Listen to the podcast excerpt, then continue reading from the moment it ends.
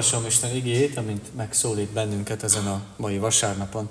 Dániel könyvéből, a harmadik fejezet 19-től 25-ig terjedő verseit. Hogy Isten igéje miképpen szólít meg bennünket a Dániel könyve harmadik fejezetéből 19-től a 25-ig terjedő versek által, kérlek, hogy helyeteken maradva hallgassátok. Ekkor Nabukodonozort úgy elöntötte a harag, Sidrák, Misák és Abednégo miatt, hogy még az arca is eltorzult. Meghagyta, hogy hétszerte jobban fűtsék be a kemencét, mint ahogy beszokták fűteni. Aztán megparancsolta a hadserege legerősebb vitézeinek, hogy kötözzék meg Sidrákot, Misákot és Abednégót, és dobják be őket az izzó tüzes kemencébe.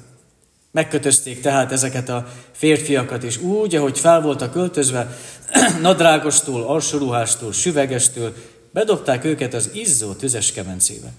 Mivel a király szigorú parancsára a kemencét roppantul befűtötték, a lángoló tűz megölte azokat az embereket, akik Sidrákot, Misákot és Abednégót odahurcolták. A három férfi, Sidrák, Misák és Abednégó pedig megkötözve az izzó tüzes kemencébe esett. Nabukodonozor király azonban megdöbbent. Sietve fölkelt, és ezt kérdezte udvari embereitől, nem három, nem férfit dobtunk megkötözve a tűzbe? Azok így válaszoltak a királynak, valóban úgy van, ó király. Ő azonban így szólt, én mégis négy férfit látok szabadon járni a tűzben, és nincs rajtuk semmi sérülés. A negyedik pedig olyannak látszik, mint valami Isten.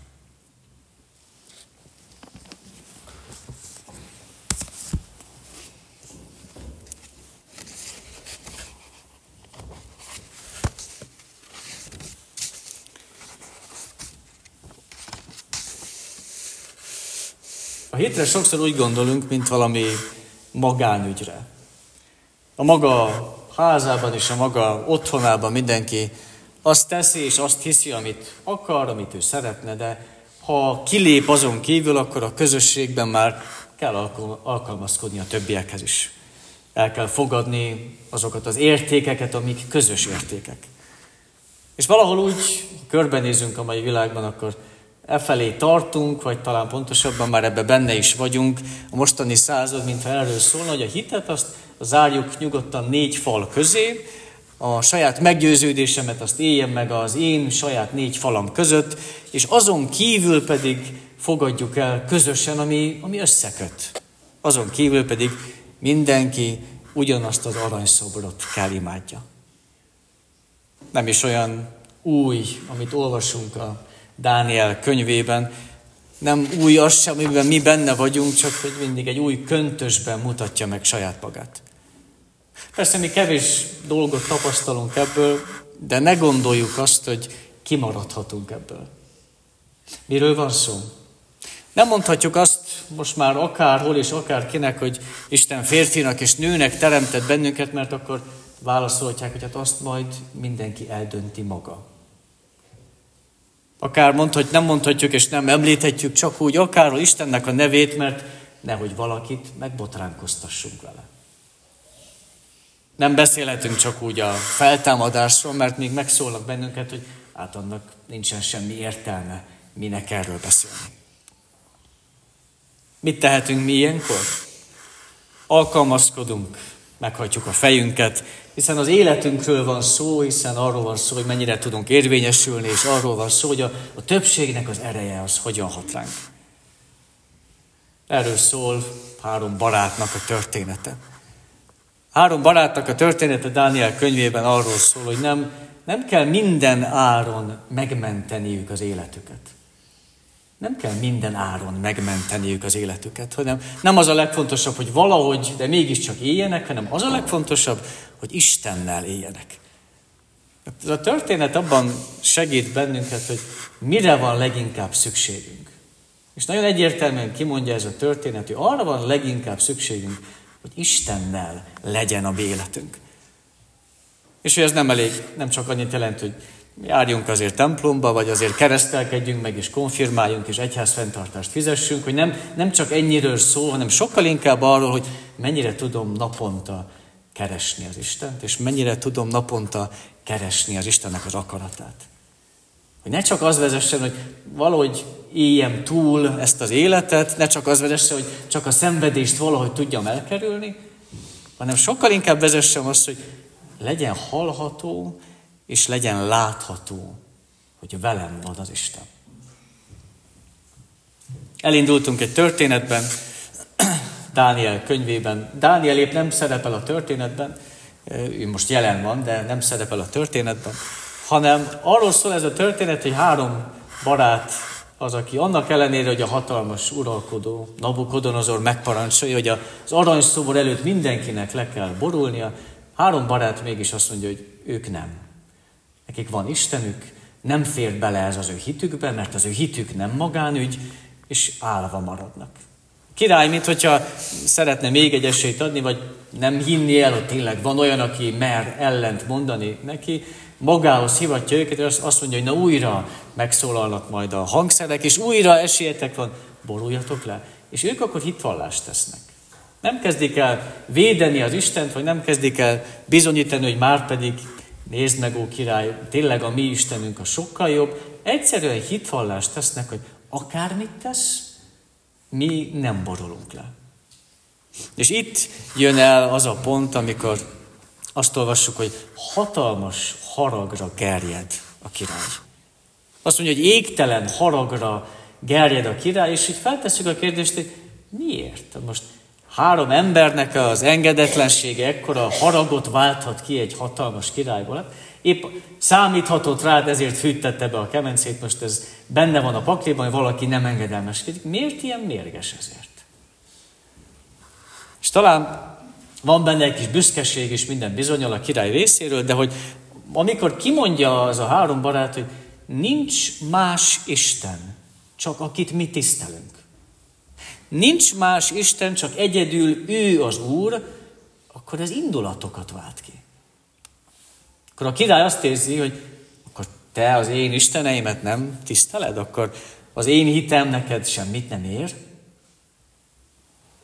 És az Ószövetségben is gyakran olvassuk már ezt, amikor Izrael kimondja azt, hogy az ő Istene az Úr, akkor a, a többi nép, a pogányok azt mondják, hogy akkor a, a mi bálványaink azok gyengébbek, nem olyan erősek, mint a tiétek. És pont ezt akarják helyre tenni a barátok, amikor azt mondják, hogy ez nem egy verseny. Ez nem egy verseny, hát most a, a mi Istenünk az erősebb, de hát következő alkalommal meg, meglátjuk, hogy ki lesz az erősebb. Ez nem egy verseny. Hanem egyszerűen arról van szó, hogy egyetlen egy úr van, senki más labdában nem rúg mellette. Csak ő, és senki más. És ez tényleg indulatokat vált ki. Erre tényleg felmérgesedhet a király, hogy hogy gondoljátok ezt? Mindenközben pedig láthatjuk magát Istent is, amint úgy mosolyogva nézi a királynak a sietését és próbálkozását, amint a haragjában próbálja valahogy legyőzni az Istent. Gyorsan, ruhástól megpróbálja bedobni őket a tűzbe, a legerősebb katonákat hívja. Nem számít, hogy a katonák sem élik túl a, a tűznek a hatását, csak dobják bele valahogy ezeket az embereket a, a tűzbe, valahogy győzzék le az Istent. És közben minden jel arra mutat, hogy Istennél senki nem hatalmasabb, de ezt a király még nem látja. Még külön hívja a legerősebb embereit is, hogy nehogy valahogy megmenekülhessek, és nehogy valahogy az ő Istenük megmentse ezeket az embereket. És mennyire humoros a királynak ez a próbálkozása. Mennyire humoros, amikor túl akar járni Istennek az eszén, vagy mennyire meg szeretné kötni Istennek a kezét. De hát mi is kerülünk ilyen humoros helyzetekben. Mi is kerülünk ilyen helyzetekbe, amikor úgy gondoljuk, hogy a, megszépítjük a mi bűneinket, azt mondjuk, hogy hát nem is, nem történt igazán semmi. Vagy úgy gondoljuk, hogy úgyse tudja senki, és úgyse látja senki, hogy mi mit gondolunk, vagy mit tettünk. Mi is kerülünk ilyen helyzetekbe, amikor megpróbáljuk megkötni Istennek a kezét.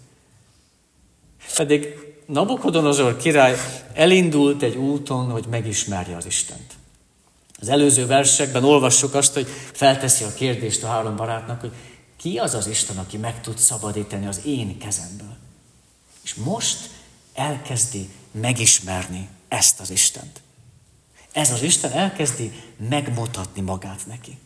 Itt pont itt van a, a történet fordulópontja. Úgyhogy figyeltük a, a történetet, eddig eléggé aktívan, mozgalmasan követte egyik esemény a másikat, haraggal megfogja, megfogatja a király a három barátot, gyorsan be a kemencébe, nem számít, hogy ruhástól, nem számít, hogy mindenki meghal körülötte, gyorsan pörögnek az események, történjen valami, és, és lelassul.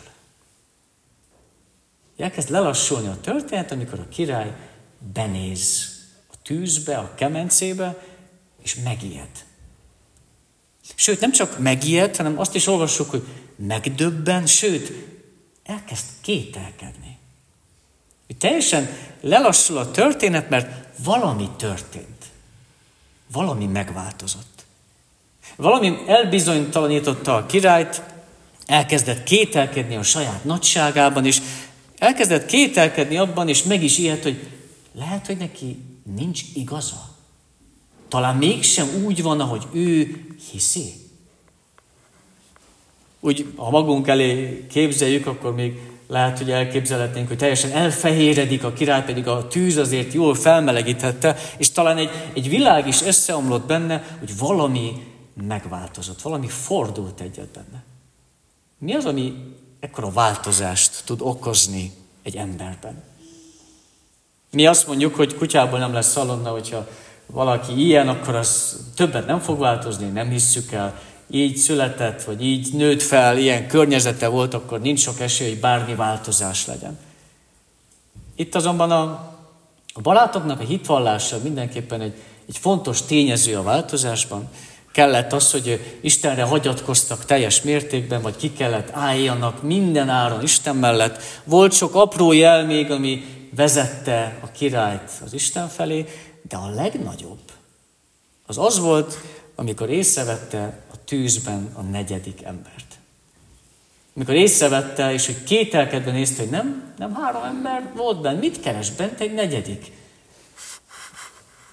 És hogy ez üzeni számunkra, hogy mi a fejünk tetejére is állhatunk, mi mindent megmozgathatunk, mi lehozhatjuk a csillagos eget is valakinek, de, de nem tudunk mi magunktól senkit sem megváltoztatni. Ha csak az Isten fel nem használja a mi szavainkat, a mi cselekedeteinket és a mi életünket. Ha az Isten felhasználja a mi szavainkat és a mi életünket, na akkor igen. És nagyon fontos itt tudnunk azt, hogy nem mondhatjuk a legkisebb dologra sem azt, hogy, hogy nem ér semmit. Egy mosolyra sem mondhatjuk azt, hogy értelmetlen. Egy apró segítségre sem mondhatjuk azt, hogy nem ér semmit.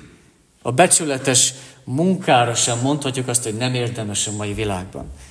A gyermek nevelésre, ami sokszor olyan nehéznek és kilátástalananak tűnik, arra sem mondhatjuk azt, hogy nem ér semmit.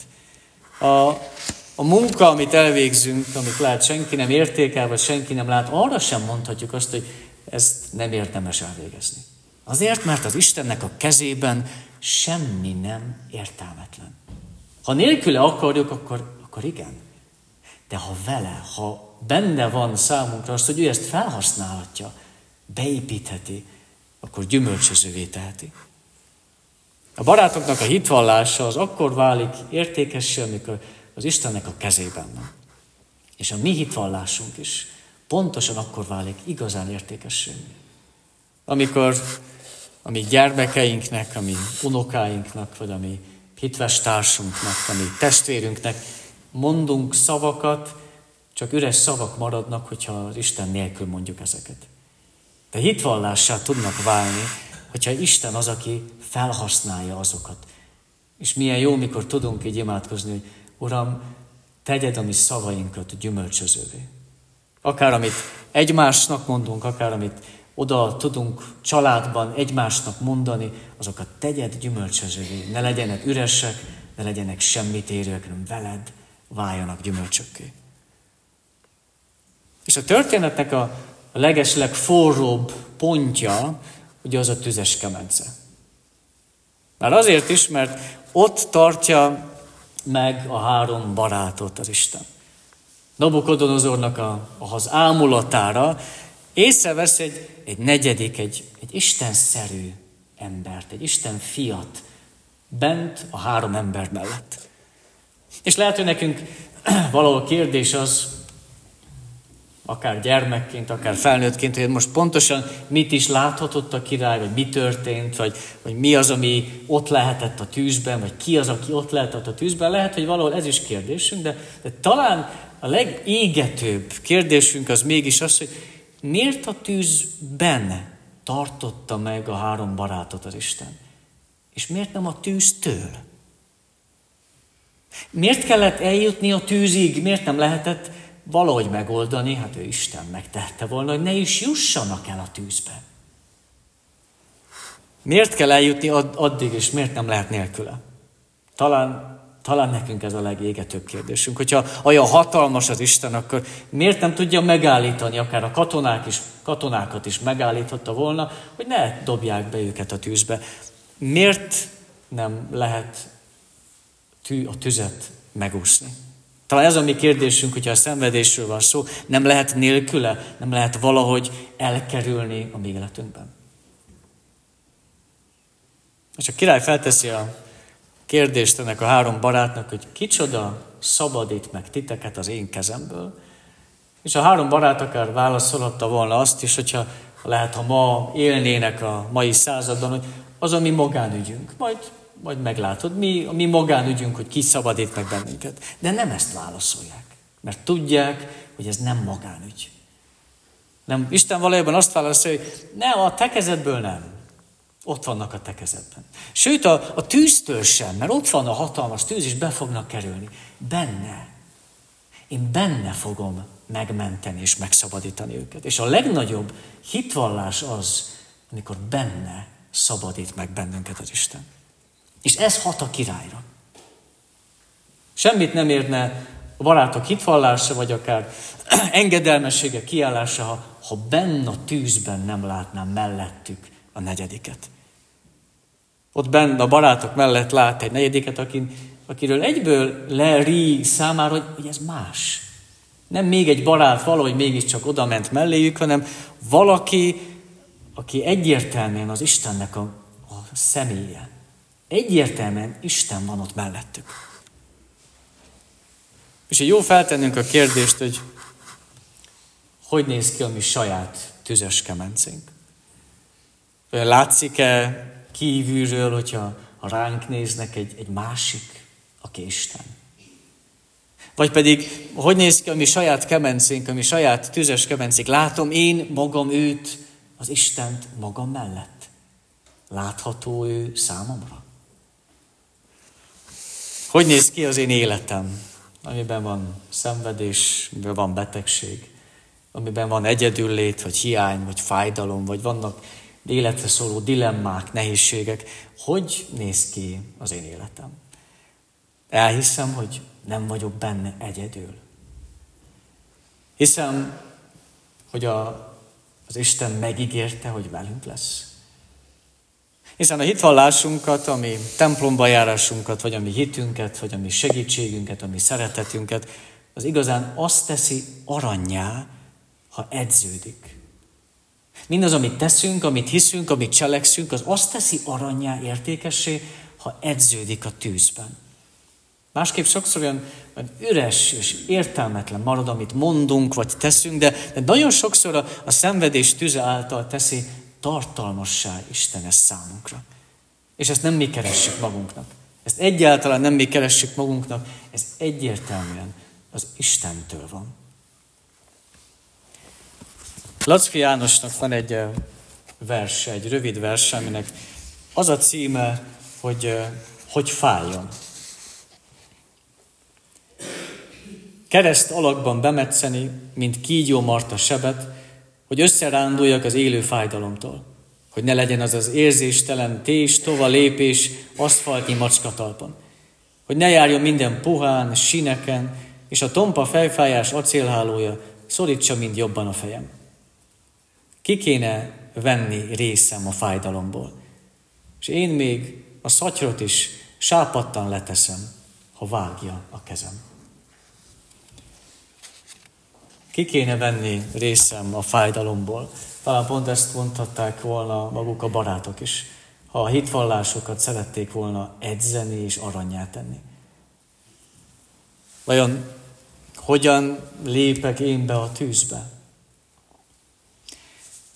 Úgy, hogy úgy, úgy érzem, hogy megérdemlem, hogy megszabadítson engem az Isten. Tettem én elég jó cselekedetet, jó ember vagyok, jó életem van, meg fog engem biztos menteni.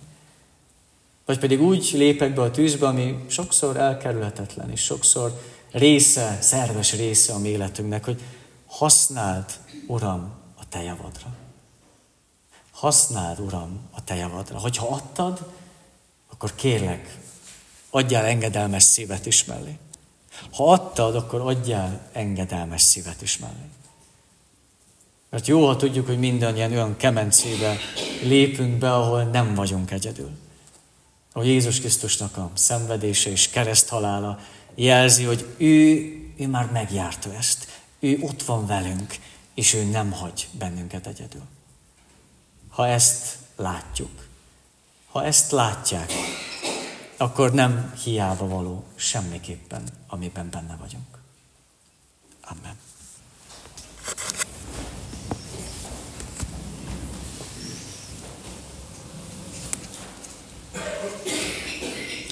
A 370. énekünknek az első versszakát énekeljük. 370. énekünknek az első versszakát. Úr Isten, néked éneklek.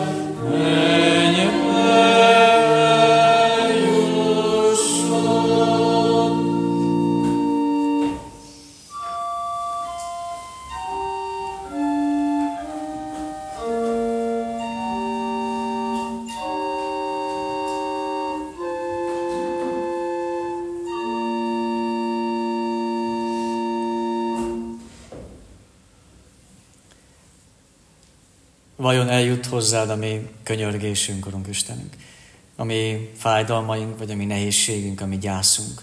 Eljut-e hozzád? Érdemes kimondani, érdemes hozzád szólni, és letenni ezt mind eléd. Sokszor, amikor az élettel nézünk szembe, akkor azt érezzük, hogy nem érez semmit. Magunkba vagyunk, mi kell magunk gondjait, problémáit megoldjuk, mi kell szembenézzünk egyedül a legnagyobb nehézségekkel is. És mégis, amikor a, a te házadba el tudunk jönni, vagy szembesülünk a te igéddel, akkor úgy áthat bennünket az, hogy, hogy nem, te, te semmiképp nem akarsz bennünket magunkra hagyni. Semmiképp nem akarod azt, hogy úgy érezzük, csak mi állunk szembe, hanem igazán mi vagyunk azok, akik nem sokat tehetünk. Mi csak hitvallást tehetünk rólad, és minden mást azt te teszel oda mellé. Te vagy az, aki munkálkodsz értünk, és a tűzben is odaállsz mellénk. Szeretnénk, hogy inkább a, a tüzet olcsad el, vagy szeretnénk inkább, hogy oda be se kerüljünk, de, de sokszor belekerülünk. A szenvedés a sokszor megkeseríti, vagy megnehezíti a mi életünket. De, de mégsem csak ennyi van. És olyan jó ezt hinnünk, látnunk, közösségben is hallanunk, hogy nem csak ennyi van, Urunk, hanem Te, aki a Te fiadat elküldted értünk, Te, aki a Te fiadat idattad, hogy szenvedett, meghalt és feltámadt értünk. Pont jelzed azt, hogy nem hagysz bennünket soha egyedül. Még a tűzben sem. Még a halálnak a gyászában sem. Kérünk, Urunk, hogy így légy velünk a mi nehézségeinkkel. Légy a, a gyászolókkal is, a gyászoló családdal. Érezzék át, milyen az, amikor el lehet veszíteni valakit, de úgy lehet elveszíteni, hogy lehet tudni, senki nincs magára hagyatva. Azok sem, akik itt vannak, és az sem, aki elment. Kérünk, hogy így legyél te a végasztalásnak az Istenem, aki erőt tudsz adni mindannyiunknak. Légy azokkal, akik, akik útra kelnek, légy velük, amikor hosszú utat kell megtenni. De légy azokkal is, akik vissza kell térjenek egy kicsi vakáció után az iskolába. Érezzék át azt, hogy a, a tanulás is olyan, amit veled meg lehet tenni, és nem értelmetlen. Kérünk, Urunk, hogy így légy mindannyiunkkal, amikor egy visszalépünk a hétköznapokba, visszalépünk abba, amikor nem, nem vagyunk itt a négy fal között, és nem közösségben, akár magunkban is egyedül, és mégsem egyedül. Ezt a jelenlétet adjad nekünk, Urunk. Ezt a meggyőződést adjad nekünk, Urunk. Jézusért, a Krisztusért. Amen. Bizalommal tárjátok fel szíveteket Isten előtt.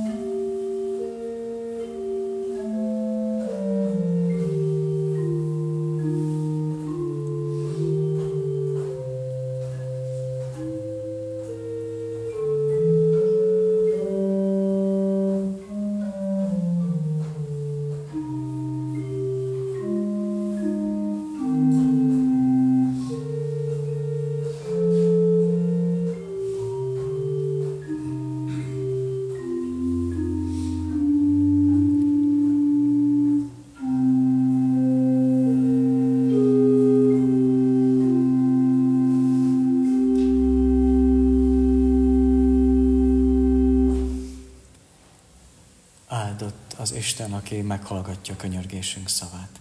Amen. Mi, atyánk, aki a mennyekben vagy, szenteltessék meg a te nevet. Jöjjön el a te országod, legyen meg a te akaratod, amint a mennyben, úgy a földön is. Minden napi kenyerünket add meg nékünk ma, és bocsásd meg védkeinket, miképpen mi is megbocsátunk az ellenünk védkezőknek. És ne vigy minket kísértésbe, de szabadíts meg a gonosztól, mert tiéd az ország, a hatalom és a dicsőség mindörökké. Amen.